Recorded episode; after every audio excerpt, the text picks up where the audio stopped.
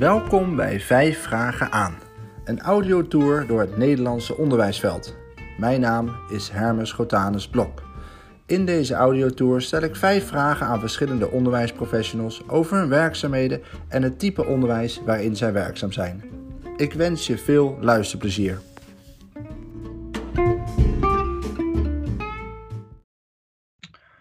Welkom bij een nieuwe aflevering van Vijf Vragen aan. Vandaag zijn we met uh, Martine. Dag Martine. De eerste vraag, die geen uh, vraag is, is altijd van: uh, wil je jezelf even voorstellen? Ja, dankjewel. Ik vind het leuk om met jou dit te mogen doen. Mijn naam is Martine Kroeze. Ik ben eigenlijk altijd werkzaam geweest in het onderwijs en ik heb een paar jaar geleden Strijder opgericht. waarmee ik met jongeren werk die uit gesloten setting komen, dus jeugdzorg plus dan wel jeugddetentie. Hey, wat heb jij in het onderwijs gedaan? Ja, van alles en nog wat. Ik ben uh, ooit begonnen als uh, projectassistent 25 jaar geleden op Universiteit Utrecht. Daarna ben ik programmamanager geweest op Universiteit Nijrode. Ik ben uh, coördinator geweest binnen het VSO voor regelen nou ja, allerlei projecten in, in vakantietijden in instellingen. Ik heb op het MBO lesgegeven als docent ondernemerschap. Um, dus ja, ik heb aan de ene kant mijn hart verpand aan de gesloten setting, maar aan de andere kant ook wel aan onderwijs. Dus het is altijd een lastige uh, ja, En, in, in, die, in die, al die ervaringen in het onderwijs, toen uh, heb je op een gegeven moment de stap uh, gezet, zoals je net al zei, naar uh, strijden. Ja. En, en, en, en, wat is dat precies? strijder heb ik in eerste instantie opgericht, omdat ik dacht, ja, we proberen eigenlijk van alles te doen voor jongeren die in jeugddetentie hebben gezeten. Maar op het moment dat ze naar buiten gaan, dan is het gewoon verdomde moeilijk. iedereen roept, ja, iedereen verdient een tweede kans. Maar ik merk dat dat toch vaak bij de buurman liever is dan bij jou. Uh, ik zie ook aansluiting met, met weer teruggaan naar onderwijs is moeilijk. Uh, wonen is moeilijk. En dan denk ik, ja, we sturen ze naar buiten. En we gaan er als maatschappij vanuit, nou, je hebt je lesje wel geleerd, het komt wel goed zo. Maar eigenlijk faciliteren we dat op geen enkele manier. Maken het ze eigenlijk alleen maar moeilijker. Hè? Geen VOG meer. Um, dus ik heb toen gezegd, ik wil daar wat aan doen. En ik wil dat samen met die jongeren doen. Dus wat we wilden doen was uh, ondernemerschap gaan brengen voor deze doelgroep. Omdat een opleiding en werk vinden is natuurlijk hartstikke moeilijk, ook met het stigma. Uh, maar we wilden ook wat richting professionals doen. dus uh, richting mensen in de zorg, richting mensen in het onderwijs en richting mensen in de veiligheid. Van hoe zorgen we er nou samen voor dat er niet nog meer kinderen in, in deze richting gaan uitstappen, zeg maar. Dus dat was eigenlijk het oorspronkelijke doel van, uh, van strijden. En dan zijn we ja, denk ik dat, en, en, dat, dat, dat preventiegedeelte, denk ik dat dat, erg interessant is om, uh, om daarover door te spreken. Dat is eigenlijk ook de reden waar ik dacht van, nou, dit zou echt goed zijn om met jou een keer dat gesprek aan te gaan. Want um, hè, het onderwijs, hè, heb je het idee dat, hè, je zegt, uh, de, jongeren zijn daar niet gekomen uh, zonder reden. Hè, dat, dat, is, dat is natuurlijk een heel traject aan, aan vooraf gegaan. Heb je het idee van dat het onderwijs uh, meer zou kunnen doen uh, om te zorgen dat jongeren, nou, dat het niet zo ver komt, dat ze uiteindelijk in een beetje een uitzichtloze situatie komen, zoals degene die je nu ook uh, begeleidt? Ja, ik denk, ik denk dat. Um, ik denk dat ieder mens in zijn leven mensen tegenkomt die, die jou uh, inspireren. En ik denk dat heel veel docenten zich misschien niet eens realiseren dat zij wel eens die persoon kunnen zijn. Uh, ik hoor vaak van jongeren dat ze op school een docent hadden waar ze goed mee konden praten. Hè, en dan denk ik, ja, dat is toch jammer dat dat dan niet, niet, niet verder is gegaan. Of dat dat niet meer gesprekjes zijn geweest. Uh, wat ik ook hoor zijn jongeren die zeggen, ja, ik werd opgepakt. Um, ik mocht wel naar school blijven gaan op mijn oude school. maar de docenten waar ik voordat ik werd opgepakt ontzettend goed mee kon vinden, die keek me daarna niet meer aan. Nou, dat zijn wel momentjes dat ik denk, ja, dat zijn wel verschilmakers, jongens. Um, en ik snap dat, dat, dat het ook niet altijd zo makkelijk te zien is. Ik krijg nu nog wel eens berichtjes van jongens waar ik tien jaar geleden mee gewerkt heb, die dan zeggen van, goh, dankjewel. En dan denk ik, wie was jij ook alweer? Maar dan heb je toch dus een dusdanige impact gemaakt op iemand, zonder dat je dat misschien zelf weet. Um, en ik denk, uh, nou ja, daar hebben wij het ook wel eerder over gehad, dat onderwijs uh, toch een hele grote poot is in nieuw perspectief. Deze kinderen uh, die echt, nou ja, de echte verkeerde kant op gaan, zien, zien een, geen ander perspectief dan snel geld maken. Um, en ik denk dat dat perspectief er echt wel is. En het is aan ons als docenten hè, ook om ze enthousiast te maken voor dat, voor dat andere paadje. dus neem ze mee. doe eens een keer iets geks in je les, waardoor ze zitten te kijken van hé, hey, wat gebeurt hier? Um, laat ze ervaren dat die andere kanten er wel degelijk zijn is daar, hè, want je benoemde zeg maar van mensen zouden dit en dit en dit moeten doen, of hè, dus docenten zouden dat moeten proberen. Maar uh, zou er iets structureels in het onderwijs aanwezig moeten zijn om ervoor te zorgen dat ja, jongeren niet de criminaliteit interessant gaan vinden? Nou, het eerste wat ik dan zou zeggen is meer tijd. Meer tijd voor die docenten. Ehm, want wat ik heel veel hoor is dat docenten tegen mij zeggen: Ja, Martien, ik zou dat wel willen. Maar ik heb maar zoveel tijd. Wanneer moet ik dit doen? Mijn hele uh, dag zit volgepland met voor de klas staan. Hè? Dus ik merk dat die druk bij docenten gewoon ontzettend hoog is. En dan, dan ga je ook nog verwachten uh, dat ze dit doen. Terwijl ze dat eigenlijk vaak zelf al doen. Uit zichzelf al. Um, en ik denk dat, dat, dat tijd uh, om hieraan te besteden, dat dat heel erg belangrijk is. Um, ik merk dat die jongeren. Ah, kijk, als je thuis niet zo lekker zit, dat geldt niet voor iedereen natuurlijk.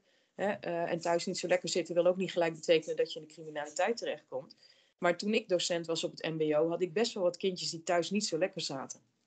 En die kindjes hebben behoefte aan even die twee of drie minuten voor de les. Uh, aan even een kopje thee of koffie in de pauze. En ik deed dat ook. Uh, omdat ik dat belangrijk vond. Omdat je merkt dat je ergens ook die rol hebt. Maar ik snap ook, hè, de, ook toen de collega's, als je ziet hoe, hoe vol uh, de agenda's volgepland worden. Ja, weet je, je bent mens en je hebt misschien zelf ook nog een gezin. En daar gebeurt misschien ook nog wel wat. En dan verwachten we ook wel dat je al die tijd. Hoe, hoe moet je dat doen? Ja. Dus ik denk dat, dat een herstructurering van de tijd van de docent per dag, hè, dat dat al een, een hele grote eerste stap zou zijn. En dan heb je veel meer ruimte om tijd hier aan te besteden en aandacht te geven aan, aan, aan jongeren die dat nodig hebben. Ja, want wat, zie, zie je ook een taak voor de, uh, de mensen die vaak hier naar luisteren, zijn mensen die of net voor het onderwijs hebben gekozen, uh, of twijfelen om voor het onderwijs uh, te kiezen. Mm -hmm. um, als, als iemand gewoon denkt, ja, ik wil wiskunde geven, of ik ja. wil Nederlands geven, heb je dan wel uh, zoiets van nee, dit hoort er wel echt bij als je docent wil worden? Nou, ik denk dat we er niet onderuit komen dat een docent ook steeds meer pedagogisch ingesteld moet zijn. Um, we hebben het er ook wel eens over gehad. Hè, op het moment dat, uh, dat wij naar school gingen toen we klein waren, uh, dan was de docent toch gewoon de baas in de klas. Hè, daar luister je naar, maar die tijden zijn veranderd. Um, ik merk dat deze doelgroep heel erg leert van elkaar. Uh, het idee van dat je vanuit jezelf al autoriteit hebt omdat jij de docent bent, dat is er niet. Dus als jij zegt, ik kom hier alleen maar om wiskunde te geven, dan ga je ervan uit hè, dat die kinderen dat ook willen leren. Hè? Um, ik snap dat. Jij hebt voor wiskunde gekozen, daar zit je passie in, dat wil je overbrengen. Dat, ik begrijp dat aan alle kanten. Um, maar de misvatting die we vaak hebben is denken dat die kinderen ook komen daarvoor. Er zijn miljoenen redenen waarom kinderen naar school gaan en diploma is er maar eentje van. Wiskunde leren is er misschien niet één van. Dus als jij zegt van nou, ik heb wiskunde geleerd, ik wil wiskunde gaan geven, hartstikke mooi, doe dat. Maar kijk dan of je dat op een manier kunt doen die niet vanuit de autoriteit komt, maar die aansluit bij die kinderen. Wat willen die kinderen leren? Wat vinden ze interessant? Uh, kun je daar met je wiskunde een mouw aan passen, uh, waardoor ze ook de waarde van wiskunde gaan zien? En waardoor die wiskunde leren misschien toch wel een reden wordt om naar school te gaan. En dat is eigenlijk uh, um, waar, waar, waar, ik dan denk van hè, de creativiteit hè, van docenten met hun stof. Ik zeg altijd, de beste docent is zijn stof. Als jij een goede docent bent, moet ik jou een willekeurige vraag kunnen stellen op ieder moment en jij moet mij een antwoord kunnen geven. Want een goede docent is zijn vak. Dan denk ik, dan moet je daar ook op een speelse manier of creatieve manier mee om kunnen gaan, zodat kindertjes dat leuk vinden.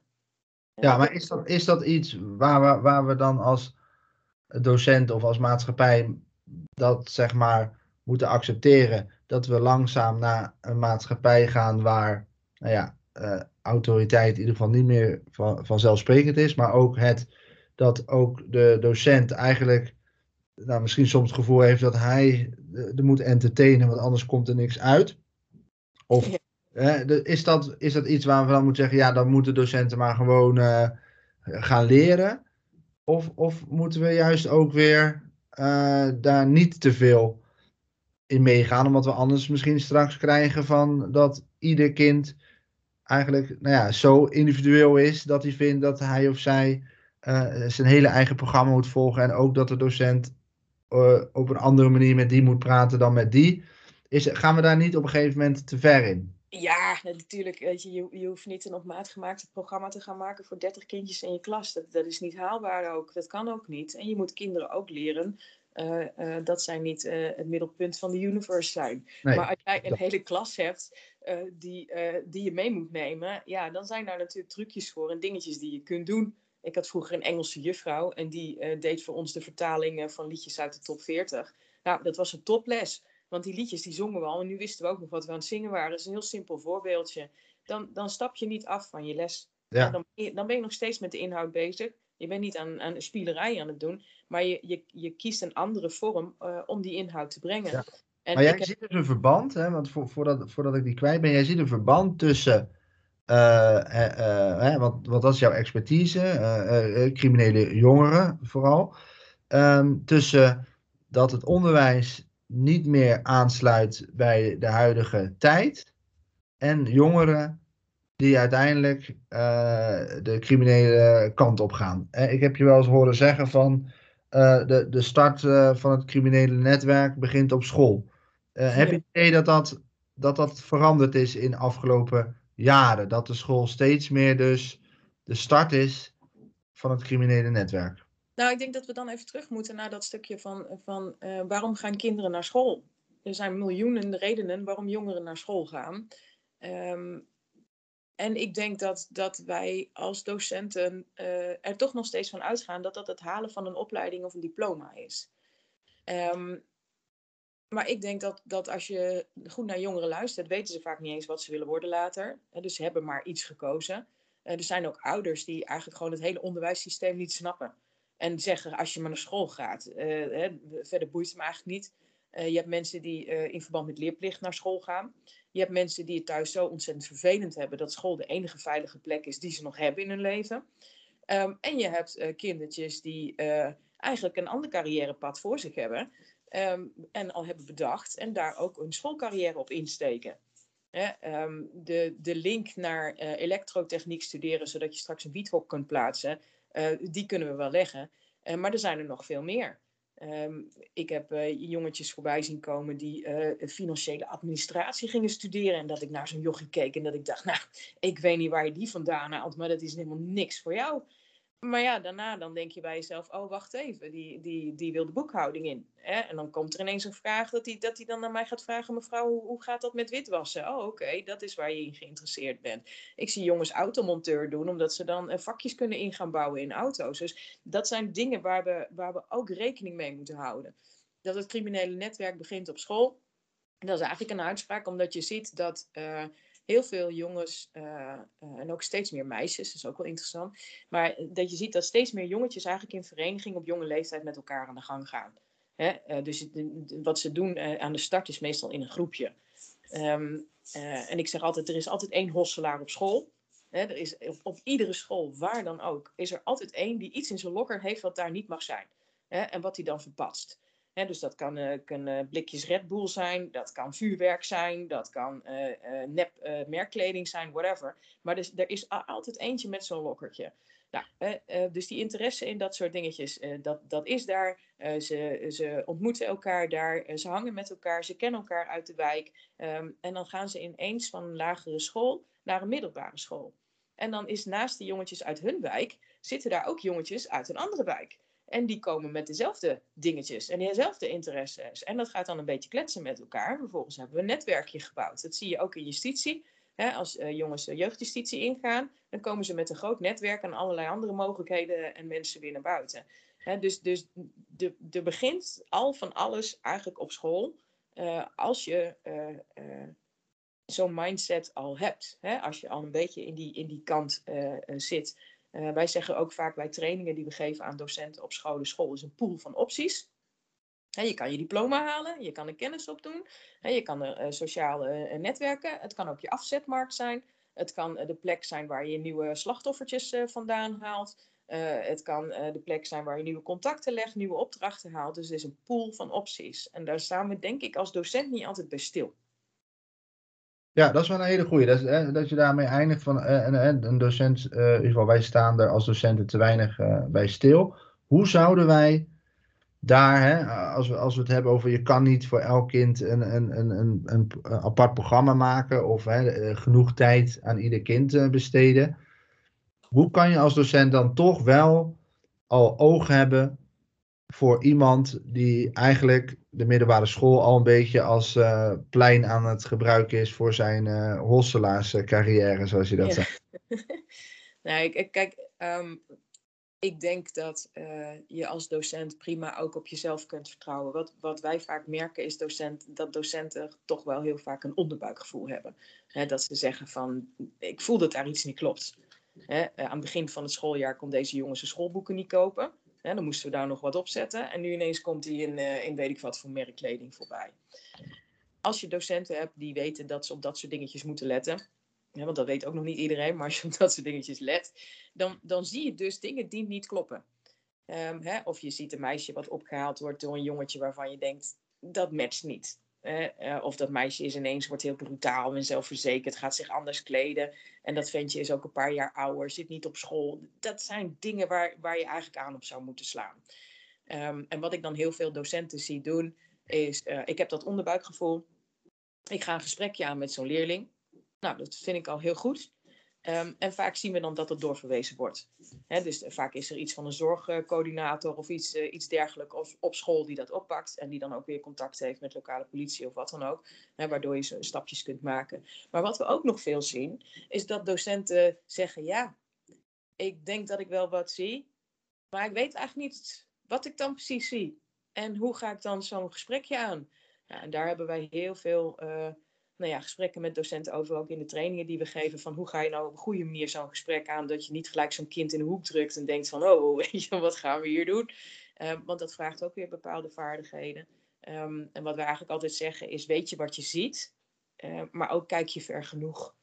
Uh, um, ik geef vaak op school het voorbeeld van het uh, valse briefje van 20 wat daar circuleert. Want dat is natuurlijk waanzinnig interessant. En dan vraag ik ook altijd aan docenten van nou, als je zelf 15 was, had je hem dan uitgegeven? Nou, ik denk dat iedereen met 15 jaar zo'n vals briefje van 20 uitgeeft. Hè, want dat is spannend en, en, je hebt het idee dat er geen risico aan zit. Nou. En dan hebben ze het idee dat als ze degene gevonden hebben die dat uitgegeven heeft, dat dan het verhaal afgelopen is. Um, maar ik weet vanuit mijn ervaring dat zo'n briefje komt ergens vandaan. En dus daar zitten weer kindjes achter die meerdere van die briefjes hebben waar je die bij kunt kopen. Uh, daar zit weer een clubje achter wat dat weer stimuleert. Uh, er zijn meisjes die met het wisselen van uh, valse briefjes dat niet meer willen doen, onder druk gezet worden en uiteindelijk in de prostitutie belanden. Dus ik zie ook nog vaak dat er een naïviteit is hè, bij mensen op school over wat daar nou achter zit. Je denkt dat het één briefje is van twintig, maar er zit vaak al een heel crimineel clubje achter. Uh, met uh, nou ja, risico's voor criminele uitbuiting bijvoorbeeld ten gevolg. Ja, dat is op zich wel, wel, wel eigenlijk een hele, hele belangrijke tip. Waarin je dus denkt, hey, het is al sowieso een compliment dat die docent het gesprek is aangegaan. Ja. Ook dat die docent er oog voor heeft. Ja. Alleen vaak blijft het op een bepaald level.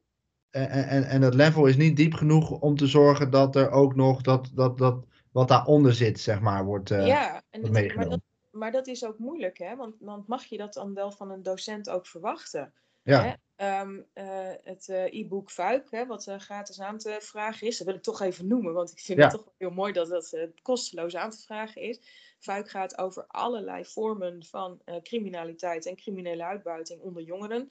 Ja, dat heb je geschreven samen met Wilma van. Ja. En zij is politieagenten of is zij een andere functie? Nee, nee, nee. Ze is een flinke dame binnen de politie Twente en nu de coördinator van het Rico's Nederland. Ja. En... Um, de grap was dat, dat wij elkaar heel erg kunnen vinden. Ook al komen we vanuit een totaal andere hoek.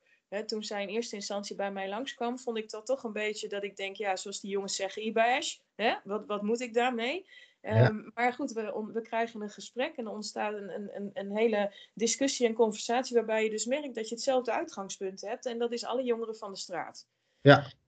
En, en jullie hebben daar dan dat, dat, dat, dat, dat boekje Fuik, die, dat is dan, uh, en is dat dan speciaal gericht voor, voor, voor het onderwijs of, of, of, of een andere. In eerste instantie hebben we het speciaal gericht op onderwijs, omdat wij in gesprek erop op uitkwamen van, goh, die mensen zien van alles, die voelen van alles, maar die weten helemaal niet wat ze zien. Hoe kan dat nou?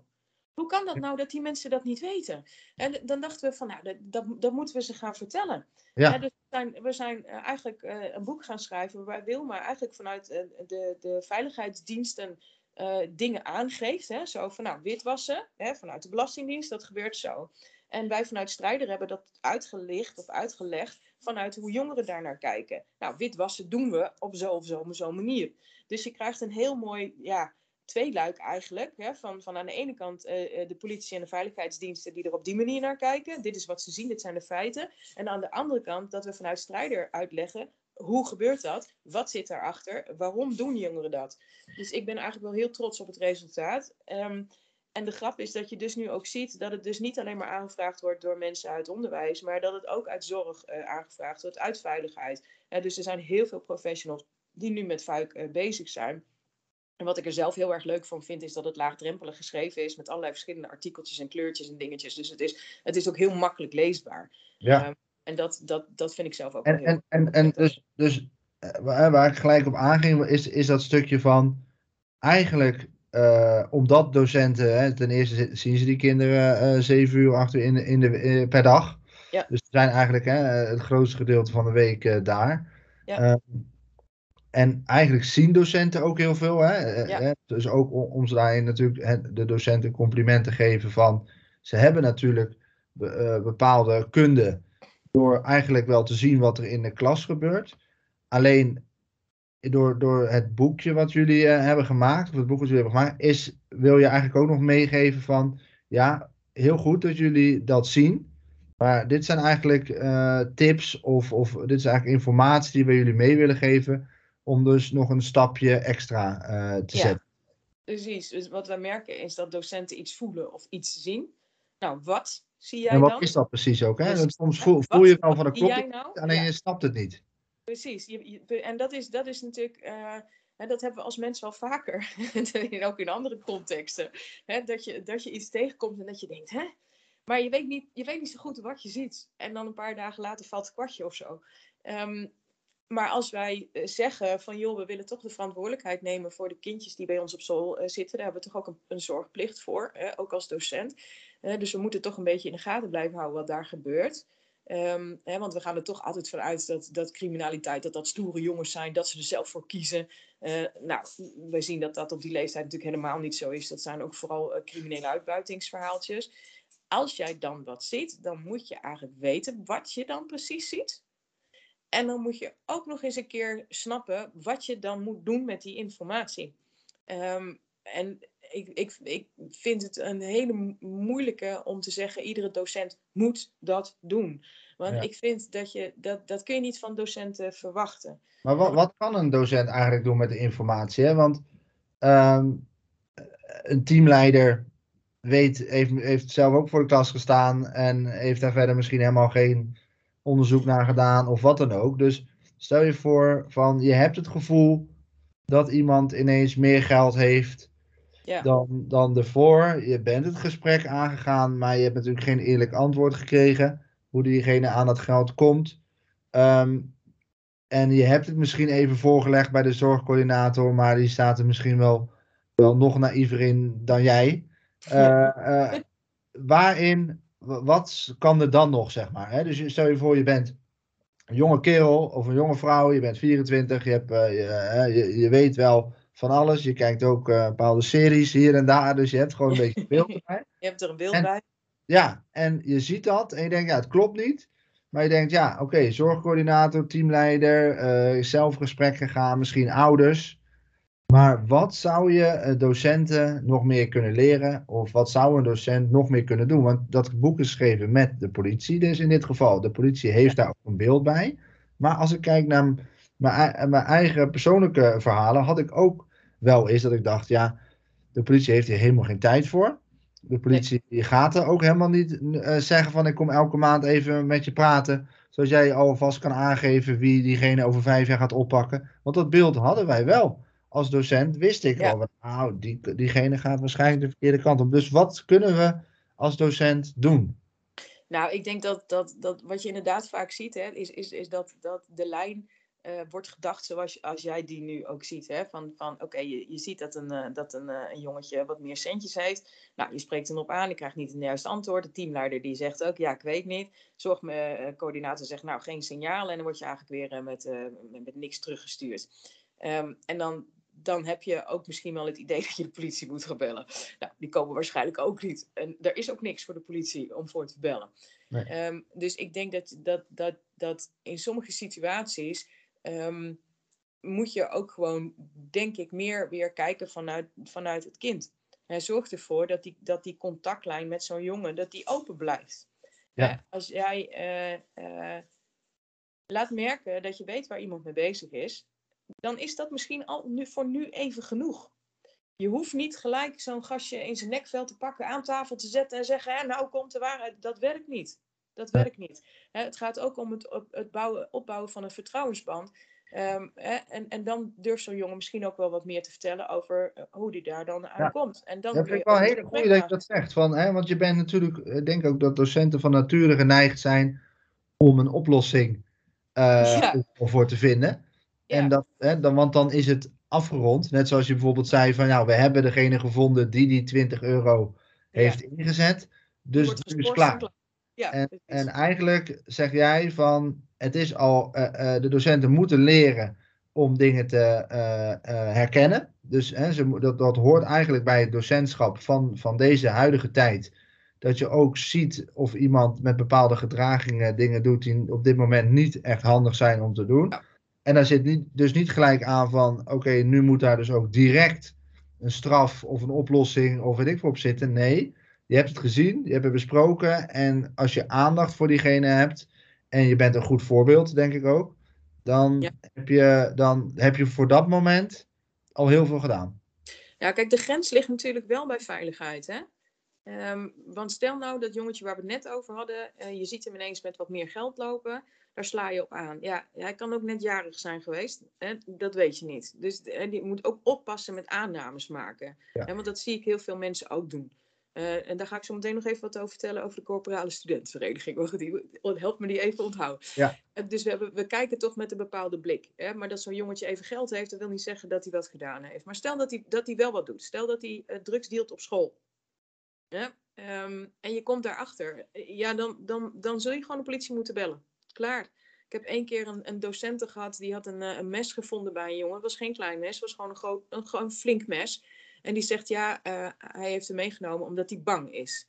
Dat, dat is eigenlijk ook wat, wat, wat vaak gezegd wordt hè, bij jongeren, dat ze dat meenemen voor bescherming. Nou, de grap is natuurlijk dat als, uh, als jij een mes bij je hebt voor bescherming en die ander heeft dat niet en jij steekt, en dan was het dus niet meer bescherming. Hè? Dus, de, dus de, rationaliteit daarachter klopt niet, maar oké, je gaat veel sneller steken als je zo'n wapen bij je hebt. Maar goed, die docenten die wilden dat niet melden omdat ze ja, ze wist dat die jongen zo moeilijk zat en hij zat zussen en zo. Ja, en dat, dat zie je natuurlijk ook. Hè, dat je toch door je betrokkenheid ook het risico loopt dat je eigenlijk ingezogen wordt uh, in iets waar je niet in hoort. Nee. En daar moet je ook heel erg je grenzen in bewaken. Hè? Dus ga niet als een soort uh, uh, moeder Teresa uh, proberen om, om, om al die kinderen dan te redden. Als een kind met een mes loopt en dat hij zich bedreigd voelt, dan moet je daar gewoon melding van maken, want dat is een gevaar voor de rest van de school. Ja.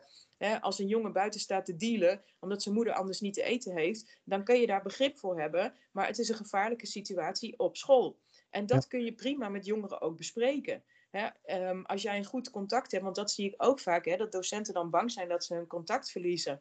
Hè, um, maar je kan best wel, als, als je nou zo'n jongetje kent die, die, die dit soort dingen doet omdat zijn moeder gewoon geen geld heeft. Hè, want dat is ook, hè, en dit gaat even weer over het stukje uh, vooroordelen. Um, er zijn gezinnen waarbij uh, het eten wordt gekocht op basis van de drugsopbrengsten van uh, jongens die, die buiten staan. Dat moet je realiseren als docent. Je moet snappen dat dat, dat, dat voor sommige jongeren de realiteit is. He, dat zij verantwoordelijk zijn voor uh, de financiële huishouding in dat huis. Nou, met 2 uh, eh, euro per uur of 3 bij de Albert Heijn vakkenvullen red je dat niet. Daar moeten we reëel in zijn. Kan je dat fixen als docent? Nee, daar heb je de gemeente voor nodig. Dat ken jij niet. Kan je begrip hebben dat die jongen dan dealt? Ja, dat denk ik wel. Kan je daar met hem over praten? Ja. Maar dan kan je zo'n jongen ook prima uitleggen van luister vriend, dat moet je hier niet op school doen. Hè, want school is ook mijn verantwoordelijkheid, dat is gevaarlijk. Hè. Ik wil niet dat je dat hier doet. Ik ga daar melding van maken, dat snapt zo'n jongen ook wel. Als je vervolgens zegt van nou, ik wil ook uh, samen met jou eens even kijken wat er kan bij de gemeente. Bijvoorbeeld, of de zorgcoördinator gaat dat doen of wat dan ook, zodat we je moeder gaan helpen. hey, helemaal goed. Um, en dat is wat ik eigenlijk ook bedoel met dat vooroordelen. Schiet niet gelijk in die politielijn, hè, maar kijk ook eens even van wat speelt daar nou eigenlijk echt. Ja. Um, ja, maar wel goed dat je wel zegt van hè, schiet niet gelijk inderdaad in die politie, maar ook wel de, de, die grens. Ja, je dus, bent ook geen moeder te... is, hè, Want je, je bent vaak geneigd om te zeggen de school doet te weinig. Maar er zijn ook genoeg verhalen dat een docent te veel doet en helemaal meegaat in het verhaal. En in, in beide gevallen eh, moeten docenten daar ook in leren van hè, zorg ervoor dat je niet te weinig doet, omdat je hebt echt heel veel invloed. Maar zorg ook daarnaast dat je niet te veel uh, op de uh, stoel gaat zitten van uh, de politie of van of, een surrogaatmoeder. Maar het is, het, is, het is wel een goede dat je die, dat je die meegeeft. Maar is het, is het niet het vooroordeel ook dat alles wat jij zegt en ook hè, dat boek wat jullie hebben geschreven, de, de dingen die jullie zeggen, dat men denkt dat is vooral een, um, een, uh, een, een, probleem voor het, het, westen van Nederland, een probleem ja. voor uh, Rotterdam. En dan ook nog een probleem voor Rotterdam Zuid uh, of voor Amsterdam Oost. En ook nog een probleem voor VMBO ja. en lager. Is het, is het zo van dat je dus dat, dat dus een docent die hier bijvoorbeeld naar luistert, die zegt nou, ik geef les in, in een dorpje op de Veluwe. Uh, wij hebben geen buitenlanders. Uh, wij, wij, er wordt geen uh, drugs gedeeld. Dus, en ik geef ook nog eens een keer les op VWO. Dus ik, wat moet ik nou ja. doen aan preventie? Wat moet ik met deze informatie? Ja. 20 jaar geleden zou ik zeggen, nou inderdaad, groot gelijk, dit is bedoeld voor de Randstad. Um, maar inmiddels hebben we een enorme slag gemaakt met digitalisering. En de digitalisering heeft ervoor gezorgd uh, dat de straatcultuur en de bijbehorende muziek, de lifestyle, de mindset zich als een olievlek over Nederland verspreidt. Ik werk al 25 jaar met uh, deze doelgroep en ik zie dat letterlijk. Ik zie uh, dat we vroeger, uh, ga ik even een uitstapje maken naar de muziek, hadden we DHC. Hè, dat kwam geloof ik uit Den Haag of uit Rotterdam, ik weet het niet. Het was de enige Nederlandstalige rap die toen zo'n beetje te vinden was. Het was van een, van een kwaliteit dat je denkt, mijn god. Maar dat kenden alleen maar de jongens uit de probleemwijken in de Randstad. Tegenwoordig is dat niet meer zo. Als je nu kijkt op YouTube naar de views uh, van uh, artiesten uit deze setting, dan ga je van schrikken. Ik zag er van de week nog eentje met 40 miljoen views. Dat kan niet alleen maar Randstad zijn, dat is over heel Nederland. Natuurlijk hebben we lokaal verschillen. Hè, want je hebt ook stukjes lokale cultuur. Hè, we praten nu op dit moment veel met mensen uit Limburg. Nou, daar heb je toch een soort gekke toestand met, met dat drugs halen en brengen. Hè? Um, want dat is natuurlijk een klein strookje Limburg, daar is het legaal. Hè? Dus die, die hebben dat soort problematiek. Nou, die hebben bij Breda ook wel gezien dat jongetjes uh, mensen gingen opvangen en naar Rotterdam uh, reden. Hè? Um, in de, de achterhoek hebben we nog steeds uh, gezellige boeren die zuipketen neerzetten. Uh, maar die misschien wel uh, nou ja, met uh, stoken van illegale alcohol of iets dergelijks bezig zijn. alcoholverslaving is in die regio's groter dan drugsverslaving, die in de Randstad weer groter is. dus natuurlijk zijn er regionale verschillen. Maar ik denk dat waar het veel meer over gaat, is dat we op dit moment zien dat die mindset zich aan het verspreiden is. En die mindset, die gaat over status en respect. Um, hè, uh, dat gaat over je moet een strijder zijn. Hè, en vooral uh, geen, uh, geen slachtoffer. Als je toch slachtoffer wordt, had je het aan jezelf te danken. Een strijder doet wat hij moet doen. Dat zijn uitspraken die je door heel Nederland hoort. Hè? Ja. Um, en die hebben impact op hoe zij in jouw klas zitten. Vroeger was straatcultuur een uitwas van gedrag. Hè, dan zeiden we ja, dat zijn uh, kinderen die komen uit achterstandswijken, die kunnen, uh, hebben, kunnen daar ook niks aan doen, want die hebben geen perspectief en dit en dat. Maar nu vind ik dat je straatcultuur niet meer straatcultuur kunt noemen. Ik vind eigenlijk dat je jongerencultuur moet noemen met de nadruk ja. op cultuur. Nou, dus de ik... nadruk op straat. Dus, dus je zou eigenlijk kunnen zeggen van dat de, waar je vroeger een skater, een gabber en rapper was. Dat ja, dat is niet Wat we nu dus uh, aan ja. ook globalisering doen uh, dat, dat door internet de, de, de, kleine subcultuurtjes niet meer bestaan. Maar dat nu alle jongeren tegelijkertijd dus dan naar drillrap luisteren, of in dat geval straks weer een andere vorm. maar dat bijna iedereen het dan doet. En niet meer die hele kleine groepjes. Hè? Want volgens mij dat Danny Goosens, die natuurlijk op die plek allemaal gespot, die zag je inderdaad ook ergens in Friesland, dat ze dan met zo'n groot mes rondlopen. Omdat in die clips voorkomt dat. Dus, dus, hè, dus, dus inderdaad, internet heeft ervoor gezorgd dat het uh, zijn van een gangster in een bepaalde leeftijdscategorie dus ook voor Jan, Jan Willem uit Groningen interessant is ja. te doen. Ja, dat is wel. Ik zou, ik zou iedereen willen uitdagen die denkt dat dit niet voor zijn klas geldt. Ga eens voor je klas staan en, en stel de vraag: wie snitcht hier? Dan, Dan gaat weet... niemand zijn vinger opsteken. Ja, ze weten allemaal wat het betekent. Ja. Dus dat, snap je? Ja. en dat is, dat is waar het over gaat. En um, dat wil niet zeggen dat ze allemaal gelijk crimineel zijn. Of dat ze allemaal uh, straks een hoofdrol gaan krijgen als onderwerp van uh, Mokromafia 10 of zo. De, dat is niet waar het over gaat. Daarom zeg ik, het, het wordt eigenlijk, het is niet meer echt straatcultuur. Het wordt, het wordt eigenlijk meer jongerencultuur. Hè, met eigen muziek, eigen normen en waarden, eigen taal, hè, eigen gedrag. Um, en dat botst uh, met de cultuur uh, zoals we die vanuit uh, nou ja, onze leeftijd of tussen aanhalingstekens ja. de normale maatschappij zien. En die botsingen zie je vaak in school ontstaan. Maar in de krant stond dat de criminaliteit was afgenomen, alleen de, de ernst is toegenomen. Ja, ik geloof daar helemaal niks van. Daar geloof je niks van? Nee, helemaal niks van. Ik Jij heb het idee dat het, dat het toeneemt? Tuurlijk. Ik heb een enorme hoos gezien in internetcriminaliteit met de, in de coronaperiode. Hè, eh, we hadden avondklok. Uh, mijn uh, jongetjes die wat slimmer waren, die hadden wel geregeld dat ze een soort verlofpasje hadden voor die avond. Dat ze toch een rotzooi konden rondbrengen. Maar als je wat kleiner bent, dan word je dus eigenlijk gedwongen om iets anders te gaan, gaan zoeken. Ik heb veel meer internetcriminaliteit gezien.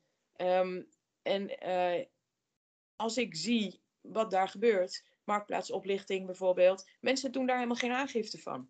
Nee. dus jij gelooft niet dat overal in Nederland de laatste jaren de criminaliteit steeds meer afneemt? Nee. Jij ziet juist, jij bent, jij ziet eigenlijk van, eh, waar, waarschijnlijk ook waarom jullie het boek hebben geschreven, juist dat, uh, dat meer jongeren gevoelig zijn voor. Ja, en ik zie dus ook dat veel minder jongeren het melden. He, ze persen elkaar af met, uh, met naaktfoto's. Dat zien we op, de, op scholen veel op dit moment, sexting met sexting is niks mis. Ik denk dat dat een gezonde puberale ontwikkeling is. En daar hebben we tegenwoordig dit soort mediatechnieken voor om ons daarin te ondersteunen. Dus daar is niet zoveel in mis. Maar waar het misgaat is dat, dat dit soort dingen worden uitgelokt om vervolgens kindertjes af te persen. Ik ken, ik ken scholen waar kinderen voor 50 euro worden afgeperst met een naaktfoto. Denk je dat die aangifte gaan doen? Nee. Nee, ik weet niet of je zelf wel eens aangifte hebt gedaan. Maar dat valt ook nog niet mee.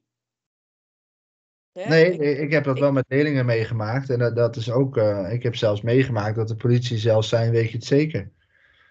Ja, Omdat ja. ook zoiets hadden van, ja, uh, je krijgt er misschien alleen maar meer trammeland van dan dat je nu al hebt. En misschien moet je het beter over laten waaien. Nou, daarom. Dus, dus ik ben daar niet zo, niet zo van onder de indruk, die cijfers. Ik denk dat het een goede cijfer geeft, uh, goede afspiegeling geeft van wat er in de rechtszaal terechtkomt. En um, wat daar dan geconcludeerd wordt, daar ben ik het wel mee eens. Ik zie steeds meer kinderen volwassen misdrijven plegen.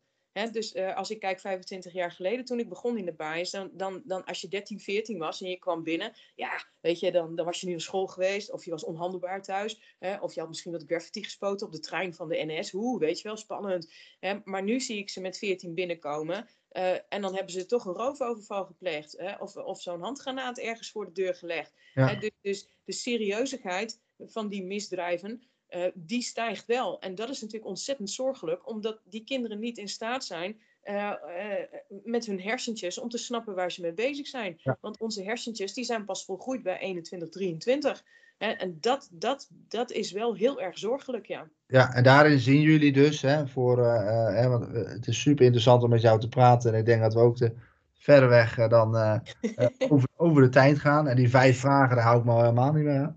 Ik, ik vind het ook heel leuk, maar ik hoop dat de luisteraars het ook interessant Ja, daar, vast wel. Is, uh, is dan toch afsluitend, zeg maar. Is, hè, want je noemt nu aan het eind, dat is natuurlijk best wel een negatieve uh, gedachte. Hè? Ook best wel dat je denkt van, hé, hey, dat, dat, ja. dat, dat, dat lijkt ook zo, hè, als mensen het nieuws kijken van, dan zie je weer zo'n zo, zo'n jochie of zelfs een, een, eigenlijk een, een adolescent die dan, hè, met Peter R. de Vries natuurlijk het verhaal, Ja, maar ook zeker. andere dingen die je voorbij ziet komen, dat je denkt, jeetje, wat zijn ze jong en wat gewelddadig en, en zonder, zonder empathie of wat dan ook, dat zit er helemaal niet meer in. Dat je denkt, ja, worden de jongeren daarin gek? Daarin zou ik wel, ehm, nou willen, is dat, is dat zo? Hè? Eh, leven in een tijd dat jongeren daarin de, dat steeds minder voelen om die dingen te doen. En eh, is het wel nog omkeerbaar dat wij als maatschappij, maar ook dus als, als docent zijnde, als het onderwijs zijnde, kunnen zeggen van nou, als we dit met z'n allen gaan doen, dan kunnen we dat ook wel weer bijsturen dat van eerst dat we in een wat negatieve spiraal zitten, we ook naar eh, wat beters toe gaan. Ja, ik, ik denk dat daar heel, heel, heel mooi zegt. Het gaat om met z'n allen. Ehm, als je kijkt naar kleine kindertjes. ehm, wat ik van Wilma heb begrepen, is dat kleine kinderen ook langs de zijkant bijvoorbeeld een, eh, een pistool afschieten. Dat kan helemaal niet. Dat moet je recht voor je uithouden met je hand eronder, want daar krijg je terugslag van. Maar dat zien ze op tv. Dat zien ze op Netflix. Ehm, ik weet nog dat toen ik klein was de kijkwijzer kwam. En als ik een film wilde kijken en daar kwam een 16 jaar en ouder, dan zei mijn moeder dus, nou dat gaat dus mooi niet door. Ja, Door de digitalisering hebben deze kinderen toegang tot allerlei informatie, Ja. die denk ik ook nog niet echt voor hun brein geschikt is. Ja. Dus ik zou eigenlijk pleiten voor een kijkwijzer voor YouTube, Netflix, Spotify en noem maar Ja, op. ja. Ik weet dat dat een onhaalbare kaart is. kijkwijze is er wel, maar het is zo moeilijk co- controleerbaar als je op je telefoon Precies. ook de rest kan verder kijken, zeg maar. dat, dat, dat moet mee met, met, met de moderne techniek. Ja. Iedere debiel kan van alles op internet zetten en iedere debiel kan het ook weer allemaal afluisteren. En deze kinderen beschikken nog niet op een dusdanige filter waardoor je informatie kunt relativeren en daar op een goede manier mee om kunt gaan. En wat je dan ziet is op het moment dat ze dan iets doen, je kan bij opsporing verzocht, eh, ben ik eigenlijk altijd al in staat om de leeftijd aan te geven van degene die het delict heeft gepleegd aan, aan de, de, de mate van geweld. Ja. Hè, want eh, een, een volwassene snapt dat als je een pistool bij iemand op zijn hoofd houdt, dat je niet hoeft te slaan. Hè, want die persoon die gaat niks doen. Nee. Maar zo'n zo'n zo'n grappie, die scheidt eigenlijk in zijn broek. Die weet eigenlijk helemaal niet waar hij mee bezig is. En daar komt heel veel geweld uit. Hè? Ja. En Dus je, je ziet vaak en dat, dat, dat op het moment dat het puntje bij het paaltje komt, dan is het allemaal niet zo stoer. En dan valt het eigenlijk allemaal wel mee. Hè, dus nou ja, als je het dan hebt over, eh, eh, zijn ze, eh, hebben ze geen empathie meer en dat soort dingen. Nee, ook niet. Hè, als wij praten over delicten eh, met jongeren, ehm, dan merken we wel dat, dat alles wat ver weg is, wat ver van ze afstaat, dat boeit ze minder. Maar alles wat dichtbij staat, des te meer.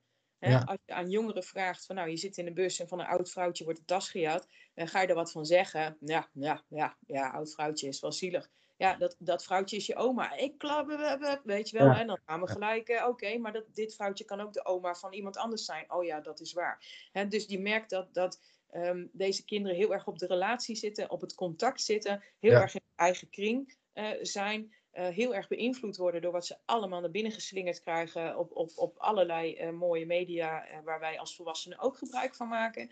Ehm, dus ik denk dat daar een hele mooie taak ligt. Ja. Ehm, hè, bijvoorbeeld in onderwijs, door ook, ook met jongeren, de jongeren te leren van hoe ga je nou eigenlijk met media om. Hè?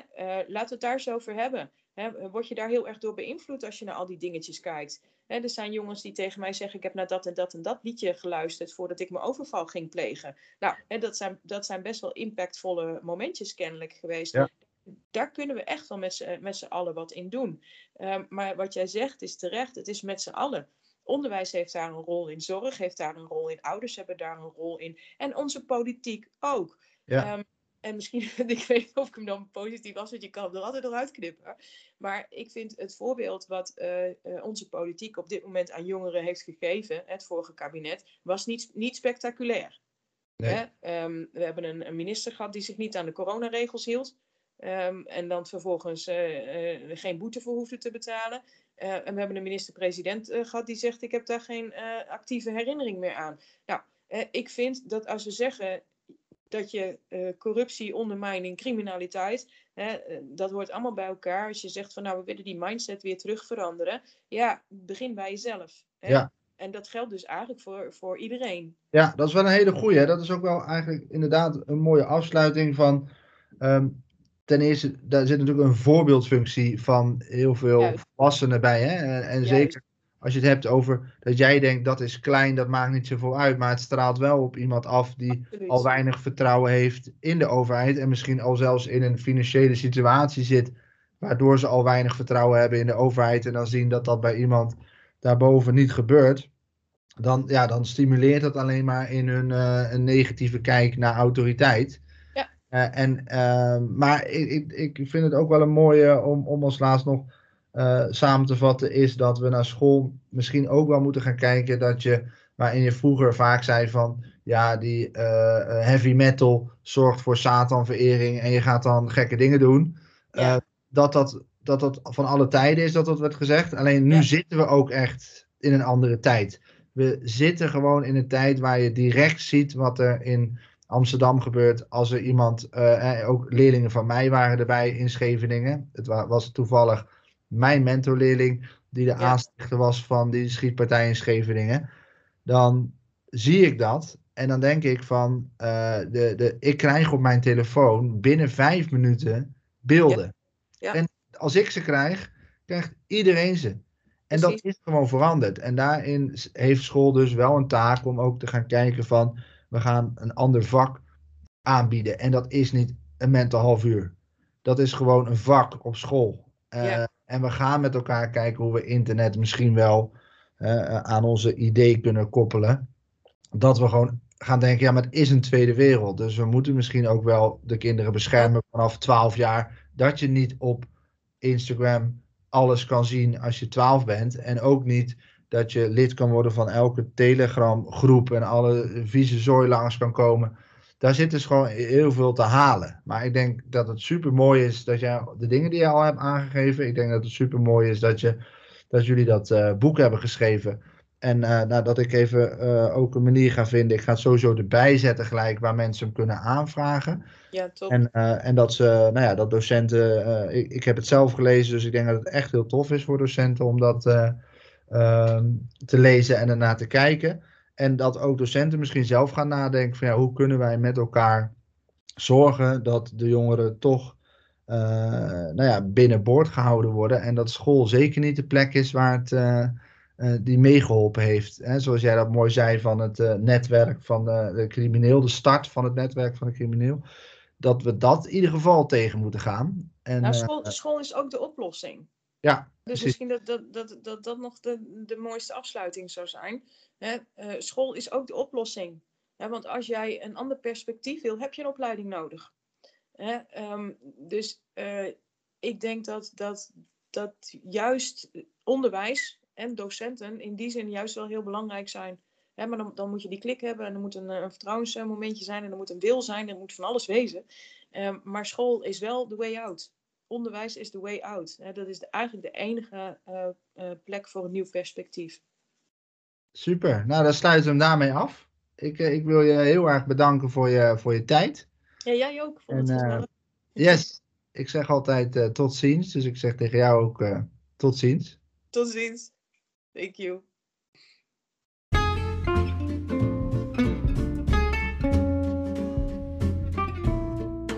Bedankt voor het luisteren naar deze aflevering. Heb jij nu een vraag, een tip of een opmerking voor mij of voor een gast? Neem dan gerust contact op en stuur een mail naar hermen.echtonderwijs.nl.